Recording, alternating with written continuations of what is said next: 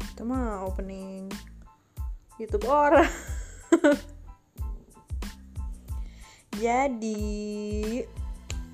balik lagi ke podcast gue, podcast Zahra Padilla. Podcast yang dari kemarin nih udah keluar tiga episode, tiga-tiganya kedengerannya sedih semua ya gak sih? Kayak nggak asik aja. Nggak tahu, kayaknya tiga episode kemarin temanya melo-melo banget. Padahal gue sebenarnya nggak se-sad girl itu. Aduh. Hah, gak, gue gak se-sad girl itu guys. Gue tuh kayak orang yang banyak tertawa, orang yang kalau nggak diajak ngomong ya diem sih sebenarnya kayak judes banget sebenarnya tapi kalau misalnya udah diajak ngomong gue tuh orangnya ekstrovert gitu gila. Kayak nggak tahu sih. Gandeng. Iya gue tuh kayak gandeng gitu. Suara gue keras banget sumpah. Waktu SMP gue pernah disebut toa sama anak-anak. Asli waktu SMP kan gue di sekolah di sebuah sekolah yang muridnya tuh dikit gitu kan muridnya tuh nggak banyak kayak SMA negeri karena waktu itu SMP gue swasta gitu. Dan kebetulan angkatan gue tuh angkatan yang paling sedikit dari seluruh angkatan yang ada. Waktu itu kan di situ tuh di sekolah itu di yayasan yang tempat gue sekolah itu ada SD nggak nggak. Dari KBIT TKIT SDIT sampai SMPIT lu bayangin ada berapa angkatan ya di situ. Dan entah kenapa gue bahkan mungkin bisa mengalahkan suara anak-anak TK gitu kan. Yang ya lu tau lah berisiknya anak TK kayak gimana tapi gue bisa mengalahkan suara mereka gitu yang satu kelas itu gitu. Entah kenapa terus kakak kelas gue sampai teman se, se apa ya teman sepermainan yang tidak seumur yang dia lebih muda dari gue tapi dia tidak sopan memanggil gue tua gitu kan. Tua lu tau kan pengeras suara? Ya gila kali gue disebut pengeras suara kalau dipikir-pikir waktu SMP gue juga pernah jadi pemimpin upacara. Lu bayangin gue cewek. Dijadiin pemimpin upacara. Terus kan latihan nih kayak kepada pembina upacara hormat gerak. Gitu kan latihan kan latihan. Ya bagus bagus kata pembinanya begitu ya. Bagus bagus suaranya harus kencang soalnya harus kita bayangin bahwa seluruh murid akan berdiri di sini. Nanti yang paling belakang harus mendengar suara kamu gitu kan katanya ya udah nih pas hari Senin harinya tiba upacara. Gue semangat banget gue harus kayak oke okay, gue akan mengerahkan uh, kemampuan gue yang maksimal buat ngeluarin suara sebagai seorang pemimpin upacara gitu kan. Upacara selesai gue minta review dong ke orang-orang. Gimana tadi? Suara gue kedengeran gak gila suara lo kelas banget udah gak usah pakai mikrofon lagi gitu. Emang suara gue kadang bikin gue minder sih kayak gitu kan? Kayak takut dibilang tong kosong nyaring bunyinya padahal enggak enggak. Gue nggak tong kosong tong kosong banget gitu. Walaupun suara gue nyaring gitu nyaring ke mana-mana. Kalau misalnya gue ketawa kalau misalnya gue ngomong gue nggak bisa yang namanya bisik-bisik. Nih yang namanya di kereta kan kayak gimana sih lu kalau di kereta? Ya ngomong biasa aja lah ya gitu kan. Ya kan malu gitu banyak orang tapi nggak bisa. Gue tuh udah bisik-bisik tetap aja kedengeran sama sebelah. Kayak gue udah bisik-bisik nih. Temen gue tetap bilang lu ngomong kayak tempat ini kamar lu sumpah. Kata gue nah, gue udah berusaha buat bisik-bisik gitu ya tapi tetap aja kedengeran. Ya, terus gue harus gimana? Ya udah gue diem aja pakai telepati gimana? Maksudnya ya udahlah ya jadi daripada suara gue mengalir ke hal-hal yang gak baik buat orang yang dirasa negatif yang dirasa membuat dampak buruk di sekitar gue gitu kan. Ya udah mending gue pakai suara gue untuk hal-hal yang positif. Misalnya karaokean sendiri di kosan. Ya gue nggak tahu sih sebenarnya tetangga gue merasa terganggu atau enggak ya tapi kan gue udah nutup jendela udah nutup pintu. Ya gimana ya kosan gue kan cuma sepetak doang gitu ya. Sebelah kamar gue ya kamar orang ya terus gue harus ngumpet dulu di bawah selimut baru karaokean apa gimana?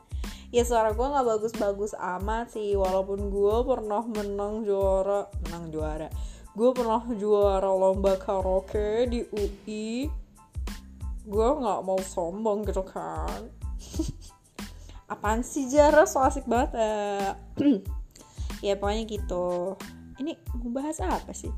Iya maksud gue adalah gue tuh nggak berisik. Eh gue tuh nggak sad girl. Gue tuh berisik orangnya asli dah. Gue kalau misalnya begadang eh gue misalnya kayak nginep nih sama orang gue pasti begadang coy.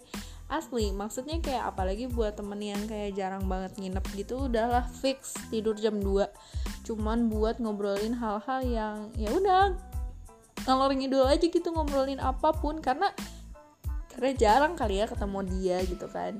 Jadi kayak banyak banget hal yang bisa gue ceritain gitu ke orang yang memang jarang banget nginep sama gue gitu kan. Kecuali emang yang kayak teman sekamar tiap hari ketemu ya nggak tiap hari tidur jam 2 jadinya kan enggak gitu.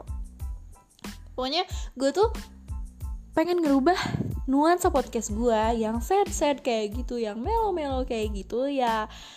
Ngecil boleh lah tapi nggak sad girl gitu kan jadinya. Mendingan chiller aja chiller pendingin bukan bukan dark gitu kan tapi lebih ke blue gitu.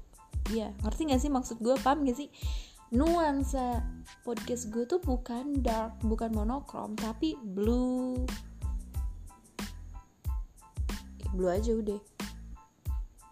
Ice blue na na na. Yang itulah pokoknya. Nah gue ngomong-ngomong soal blue nih ya gue tuh pengen ngebahas satu film yang judulnya Soul. Lo pasti pernah denger itu film keluaran Disney. 2020 kalau nggak salah. Iya karena 2021 baru mulai.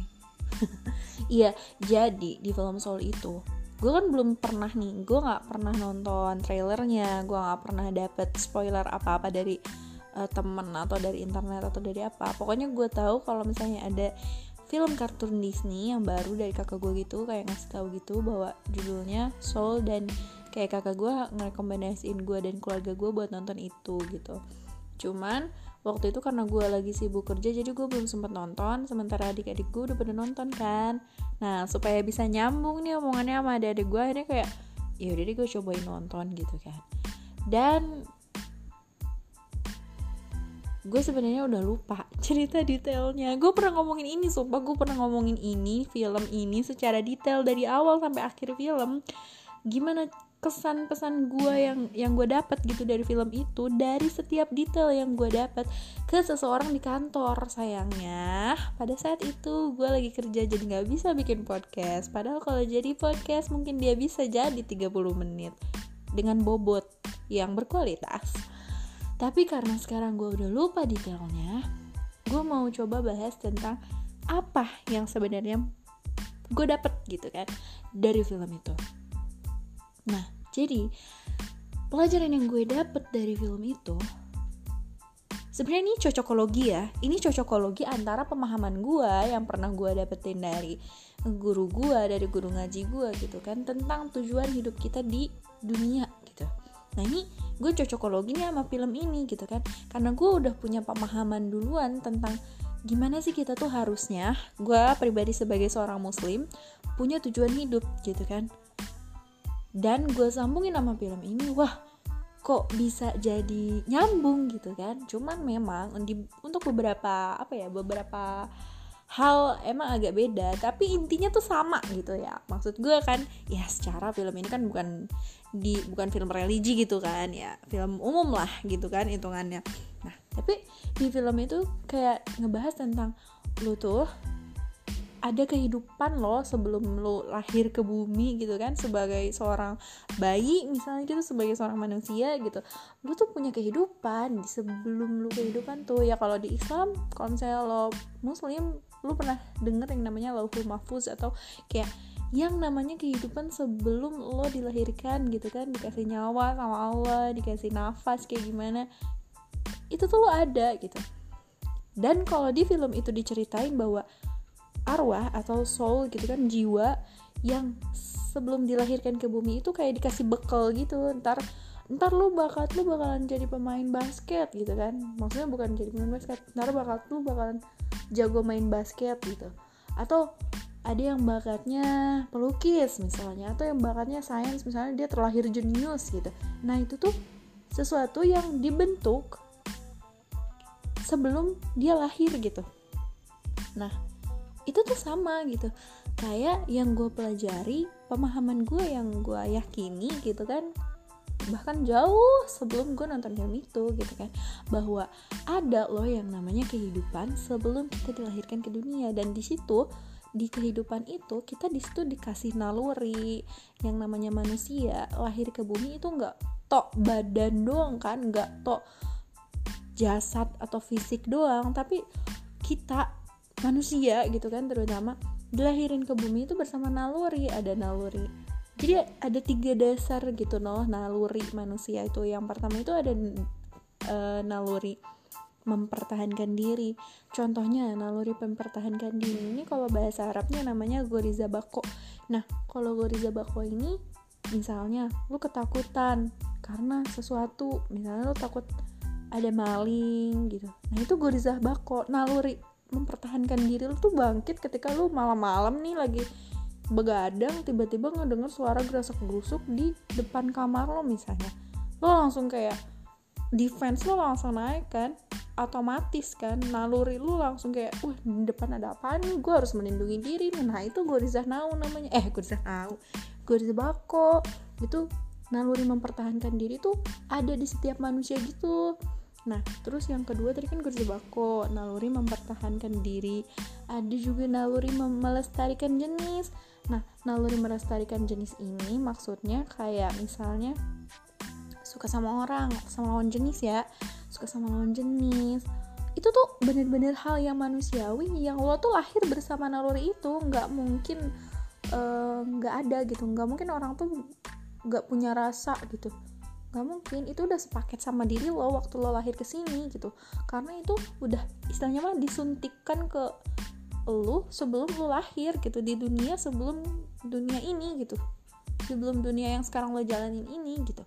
Dan um, itu tuh contoh lain dari Goriza Nau atau go, naluri melestarikan jenis itu um, misalnya lo sayang sama orang ya walaupun misalnya orang tua gitu bukan lawan bukan semata-mata pasangan lo gitu tapi kayak orang tua terus lu kayak gemes gitu ngeliat anak kecil atau lu nggak tega ngeliat anak kecil karena lu tahu kayak bayi itu nggak berdosa jadi ya lu nggak setega itulah misalnya menyakiti bayi gitu. Pasti luluh luluh juga nggak sih ngelihat bayi senyum bayi ketawa dengan polosnya gitu kayak mm, nah itu memang ada di setiap diri manusia nggak peduli dia cewek atau cowok serius.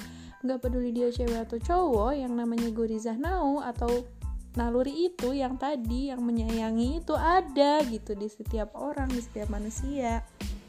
Nah terus yang terakhir juga ada naluri um, apa itu namanya? Goriza tadayun apa ya bahasa Indonesia nya naluri mensucikan sesuatu. Maksudnya naluri mensucikan sesuatu di sini bahwa sadar gak sadar kita tuh tahu bahwa kita tuh makhluk yang lemah gitu. Makanya kenapa kita tuh membutuhkan sesuatu atau membutuhkan ya um, pertolongan dari sesuatu yang lebih hebat dari kita gitu kan. Maksudnya apa? Maksudnya buktinya gini deh. Kalau misalnya kita orang Islam gitu ya gue orang Islam gue tuh kayak diajarin bahwa ketika gue saat apa pun gitu kan mau senang susah butuh pertolongan atau enggak gue tuh harus tetap sadar bahwa Allah itu ada gitu. Allah yang ngasih segalanya. Gue kuat gitu kan gue bisa sehat itu karena Allah. Alhamdulillah gue bersyukur gitu kan. Ketika gue sakit gue lemah gue nggak bisa ngapa-ngapain ya berdoa gitu kan. Minta sama Allah yang nyiptain kita untuk nyembuhin kita gitu kan. Nah itu gorizah tadayun uh, naluri mensucikan sesuatu. Jadi kita tuh mensucikan Allah gitu kan. Alhamdulillah maha Allah gitu kan. Yang kayak apa ya? Maha Allah alhamdulillah. Subhanallah gak sih? Sorry sorry sorry. Nah kayak gitu. Maksudnya kayak uh, naluri itu tuh ada di setiap manusia.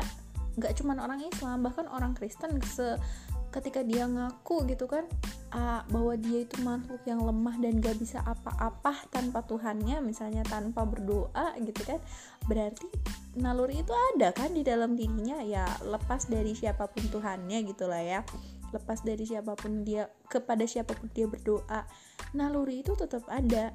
Mau dia nyembah sapi ke mau dia nyembah matahari berhala, patung gitu kan atau juga mau dia nyembah apa pun gitu kan bahkan nih ya bahkan orang ateis sekalipun kalau misalnya dia di dalam keadaan kesulitan gitu kan dia pasti berdoa kan at least atau enggak seenggaknya dia memohon sesuatu keajaiban supaya terjadi gitu kan misalnya dia di keadaan yang genting. Misalnya ada orang yang mau ngebunuh dia dia diculik dia nggak bisa apa-apa dan orang itu mau ngebunuh dia dia pasti kayak yuk yuk yuk mohon keajaiban terjadilah gitu.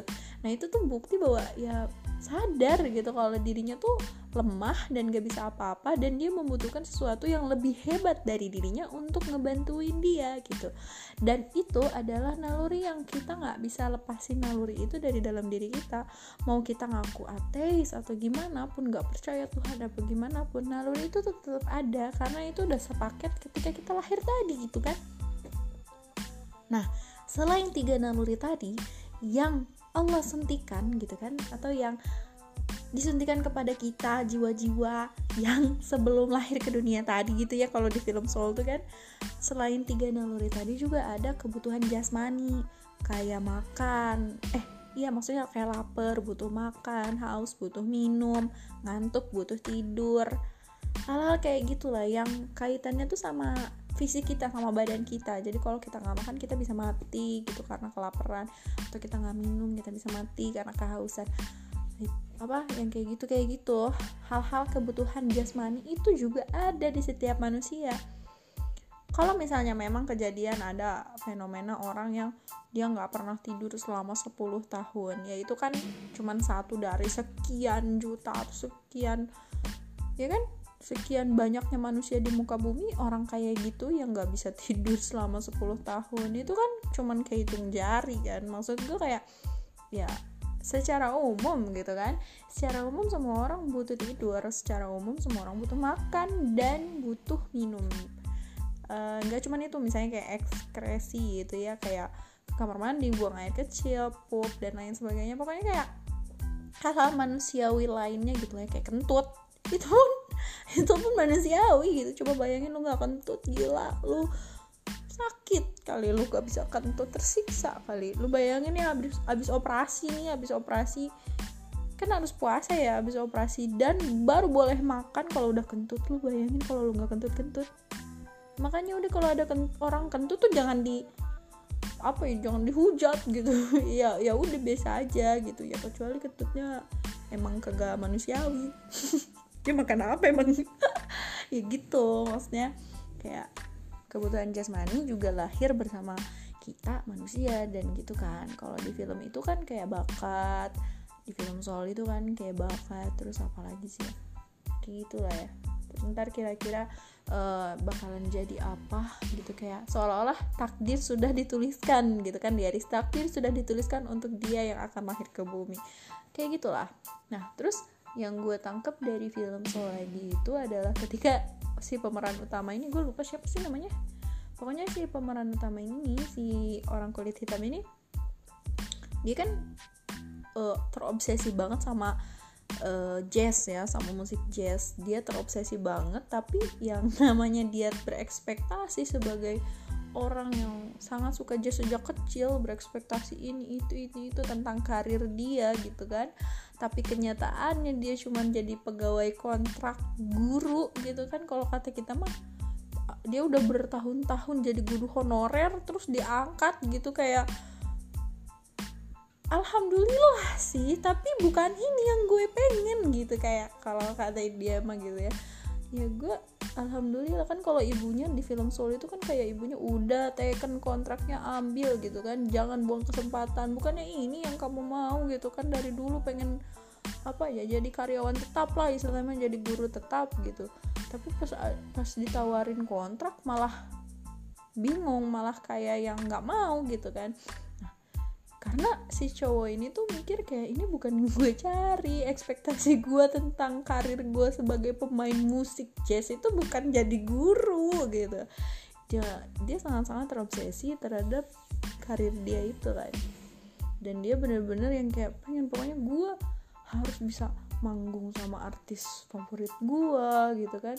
Gue harus bisa jadi terkenal gue pengen apa namanya uh, bikin orang lain tuh menikmati musik gue gitu. Gue pengen bikin orang lain tuh ngerti bahwa musik jazz itu adalah musik yang patut dibanggakan gitu kan. Patut disenangi semua orang gitu. Seolah-olah dia bener-bener terobsesi dengan cita-cita dia dengan karir dia sampai dia lupa hal-hal kecil yang dia rasain di kehidupan sehari-hari gitu. Dan hal-hal kecil itu baru disadari oleh si pemeran utama ini dari pemeran yang satu. Apa itu namanya kalau di film? Jadi ada pemeran A dan pemeran B dua-duanya peran utama gitu kan? Ya itulah ya. Gue nggak ngerti di istilah filmnya apa.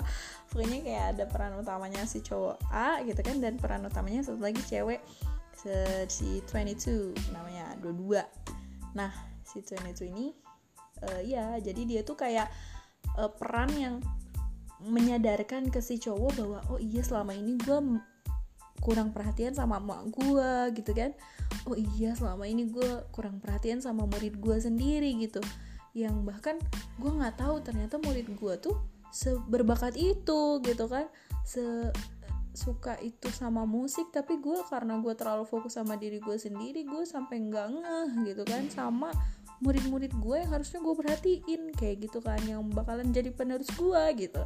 Dia sampai lupa hal-hal kayak gitu dia bahkan lupa cara menikmati hidup. Misalnya kayak sekedar jalan-jalan di pinggir jalan ngeliatin daun berguguran uh, makan makanan enak makan makanan yang belum pernah dia coba gitu kan dia sampai lupa hal-hal kecil yang kayak gitu game bagaimana dia bisa menikmati hidup cuman karena dia terlalu terobsesi dengan tujuan dia tadi dengan si Jess tadi gitu kan. Pokoknya di film itu tuh ditunjukin kayak gitu. Dan ketika setelah susah payah gitu ya setelah susah payah berusaha supaya si cowok ini bisa kembali ke tubuh dia lu harus nonton sih sebenarnya. Kalau misalnya kayak kayak gini nggak ngerti ya lu nonton dulu deh gitu ya. Nah jadi setelah susah payah si cowok ini berusaha kembali ke badannya supaya bisa tampil. Setelah kan dia udah kayak janjian gitu kan sama pemain jazz favorit dia gitu buat manggung bareng di cafe gitu kan. Dia udah janjian jam 7 malam. Dan gimana caranya dia biar dia bisa datang ke tempat tujuan gitu kan. Biar bisa manggung bareng gitu kan. Nah ini dia berusaha keras sedemikian rupa sampai dia nyakitin ibunya gitu kan. Sampai dia nyakitin apa namanya si pemeran ceweknya ini kan si Tuan itu ini sampai si Tuan itu ini kayak kayaknya gue gak layak hidup kayaknya gue gak ada yang menginginkan gue gitu. Sampai si pemeran utama Tuan itu ini merasa kayak gitu cuman gara-gara obsesi si pemeran utama cowok itu gitu kan. Nah kemudian apa ya setelah klimaks itu kan klimaksnya mereka kayak rada-rada berantem gitu karena yang satu terlalu terobsesi yang satu kayak gitu. Lo harus nonton sih sebenarnya gue kayak bingung gitu ngejelasinnya.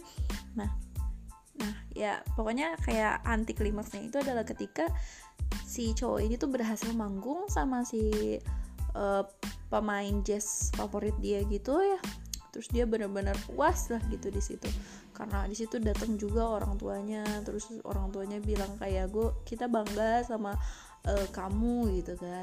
Terus dia juga kayak ya oke okay, gue bangga sama diri gue sendiri akhirnya bisa gitu kan. Manggung bareng si mbak favoritnya ini gitu kan terus dia nanya lah momen di saat semua orang udah pulang nih dari konsernya gitu kan. Oh, kafenya udah sepi dan mereka lagi nunggu taksi gitu di depan kafe. Dia si cowok ini sama si uh, pemain jazz favoritnya dia ini. Terus dia nanya gini kan si cowok. Terus abis ini kita ngapain? Terus kata mbak mbaknya ya besok manggung lagi aja kayak gini datang lagi serius? Cuman gini doang. Nah ekspresinya tuh seolah-olah berkata kayak gitu gitu. Kayak serius cuman gini doang? Iya. Emang mau ngapain lagi? Banyak nanya gitu dong. Terus dia kayak bengong gitu kayak emang ini ya? Emang kayak gini ya? Yang gue kejar selama ini tuh ternyata cuman begini doang.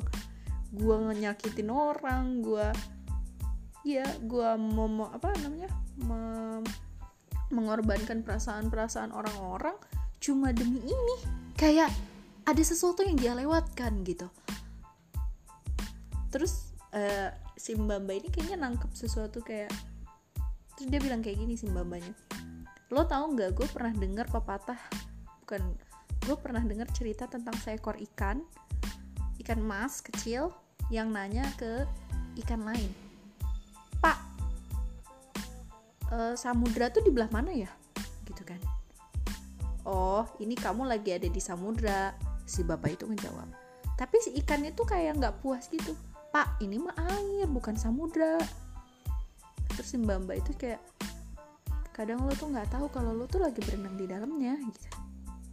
Terus dengan closing statement yang kayak gitu si mbak mbaknya pulang dan ninggalin si pemeran utamanya di situ sendirian. Dia baru sadar bahwa selama ini yang dia kejar tuh sebenarnya kebahagiaan yang dia kejar tuh sebenarnya bukan di jazznya gitu. Tapi kebahagiaan itu ada di setiap hal kecil gitu. Yang entah tadi kan menghargai orang tuanya menghargai teman-temannya gitu kan. Bagaimana dia bisa menjalani kehidupan sehari-hari dia dengan penuh rasa syukur lah intinya ya akhirnya kalau di filmnya itu kan diceritain bahwa dia tuh akhirnya sadar kemudian uh, nyamperin si Twain itu yang sempet jadi monster karena sudah berpikiran yang enggak enggak gitu kan di dunia situ. Kayak gitu karena uh, di sini juga selain ngomongin kehidupan sebelum apa namanya sebelum lahir di dunia kan di sini juga ngomongin bahwa setiap nyawa tuh pasti mati gitu kan. Setiap nyawa tuh bakalan berlanjut ke kehidupan selanjutnya yang kalau di film Soul itu digambarin kayak semua orang tuh bakalan jadi kayak kumpulan cahaya yang terang banget entah apa itu maksudnya gitu kan. Pokoknya setiap orang itu kayak gitu sampai-sampai nih di jalan kayak kalau kata orang Islam apa ya rotul mustaqim kali ya? Kayak uh, jalan kayak jalan itu loh yang kayak semuanya tuh gelap. Apa itu namanya? Ruang gelap bukan apa tuh namanya? Dark hole. Ya yang semacam itulah ya jadi yang kayak di ujungnya tuh ada cahaya terang banget tapi kita harus ngelewatin jembatan di sekitarnya tuh yang kayak ruang hampa gitu. Terus waktu dia nih si cowok ini sempet jalan ini scene scene awal filmnya gitu jalan di situ kan dia bingung kenapa gue ada di sini gue mati gitu kan. Kayak gue nggak mau mati gue nggak bisa terima gue nggak mau gue nggak boleh mati. Nah itu kan awal awal scene kayak gitu. Dan dia ketemu sama tiga orang yang kayak lo nggak bisa mundur guys. Lu lu udah mati gitu kan ya udah terima aja lu udah mati gitu kan. Terus ada yang bilang bukannya ini tujuan akhir hidup kita? Nenek-nenek bilang kayak gitu. Dan memang bener gitu kan. Kita tuh percaya bahwa setiap nyawa pasti mati dan itu tuh sesuatu yang ya udah kita nggak bisa tolak gitu kan. Itu tuh udah pakem gitu udah pasti semua orang tuh mati. Dan itu pelajaran yang di si cowok ini ambil gitu kan sebelum akhirnya nanti waktu dia habis di dunia itu adalah menikmati atau melakukan hal-hal yang terbaik lah istilahnya mah. Untuk menikmati hidup dia yang nggak tahu sampai kapan teh ya gitu kan. Kalau kalau orang Islam nih gue sebagai orang Islam karena kita tahu nanti kita bakal mati tapi kalau di Islam pemahamannya adalah nanti kita mati itu kita nggak cuman jadi teng jadi cahaya gitu enggak gitu kan. Tapi kita tuh bakalan memilih dua jalan gitu kan. Yang pertama jalan surga dan yang kedua jalan neraka. Itu bagaimana nanti kita bisa memilih dua jalan itu tergantung dari amal perbuatan kita selama di dunia itu. Makanya kenapa tujuan hidup kita di dunia itu adalah melakukan amal perbuatan banyak banget supaya kita bisa jalan ke arah surga. Bukan ke arah neraka. Kita bener banget kita pasti mati. Dan bener banget kita nggak tahu kapan kita mati. Bahkan kita jalan pun kita bisa mati gitu. Kapan pun detik setelah ini pun aku bisa mati. Aku gue bisa mati gitu kan. Kayak bener-bener kesempatan mati itu bisa ada di depan mata. Gitu kan? Kapan pun gitu. Dan sampai saat itu tiba itu kesempatan kita buat ngumpulin amal perbuatan itu. Apakah kita nanti bakalan ke surga atau ke neraka? Ini buat orang yang percaya ada surga dan neraka ya. Dan karena gue muslim ya otomatis gue percaya sama apa yang disampaikan di Al-Quran yang Rasulullah sampaikan gitu bahwa segala perbuatan manusia itu nanti bakalan dipertanggungjawabin dan itu yang bakalan bikin kita masuk neraka atau surga menentukan akhir hidup kita yang abadi gitu kan? Yang nantinya kan abadi kan? Karena dunia yang fana nanti akhirat yang abadi gitu. Dan itu tuh kayak benar-benar ya udah bener gitu. Selama kita masih diberi umur diberi waktu hidup gitu kan ya kita bersyukur aja apa pun yang dikasih kita sekarang gitu kan. Ya kita bersyukur dan kita melakukan yang terbaik. Jangan sampai kita oke okay, kita punya obsesi ke A dan kita ngelupain apa yang ada di sekitar kita gitu. Kita fokus sama masa depan tapi kita lupa sama present day gitu sama hari yang sekarang gitu. Kita terlalu mikirin masa depan yang kayak wah pokoknya kayak wah ya mikirin masa depan oke okay, bener kan kayak visioner gitu lah ya. Tapi kan yang paling penting adalah hari ini gitu kan. Hari ini kita tuh bakalan apa namanya apakah hari ini kita udah berbuat baik atau belum gitu kan? Berbuat apa? Misalnya kalau ibadah udah ibadah atau belum. Udah berbuat baik sama orang atau belum itu yang harus kita maksimalkan hari ini yang bisa kita lakukan sekarang ya udah lakuin gitu kan. Kita bersyukur entah memaafkan orang dan lain sebagainya. Banyak lah amal baik di dunia itu tuh. Kayak gitulah. Inti dari filmnya kayak gitu ya. Jadi ini film sebenarnya ngajarin kita untuk menemukan tujuan hidup kita gitu cuman kalau misalnya di film kan dari sudut pandang secara umum gitu kan. Kalau misalnya gue pribadi sebagai seorang muslim ya gue harus memandang hidup ini juga dari sudut pandang Islam gitu kan. Sedangkan Islam sendiri udah ngajarin kita bahwa yang namanya hidup di jalan Islam itu ada panduannya yaitu Al-Quran gitu. Jadi kalau misalnya gue pribadi karena gue seorang muslim ya gue harus memandang hidup dari sudut pandang Islam. Apa pun yang dikatakan Islam, oh berarti itu jalan hidup gue. My way of life. Gitu guys. Jadi, ternyata nonton film itu bisa kita bisa bikin kita mikir ya dan bisa bikin kita menemukan dari mana sih kita tuh asalnya, buat apa kita hidup di dunia dan mau ke mana sih emang kalau udah mati? Itu pertanyaan-pertanyaan yang wajib banget kita jawab supaya kita nggak bingung di bumi mau ngapain. Kayak gitu ini udah 32 menit dan ini cukup lama buat didengar tapi semoga ada pelajaran yang bisa diambil dan see you on the next. Next. See you on the next podcast. See you on the next change. Maksud gue kayak sampai jumpa di kesempatan lain. Bye bye terima kasih. Assalamualaikum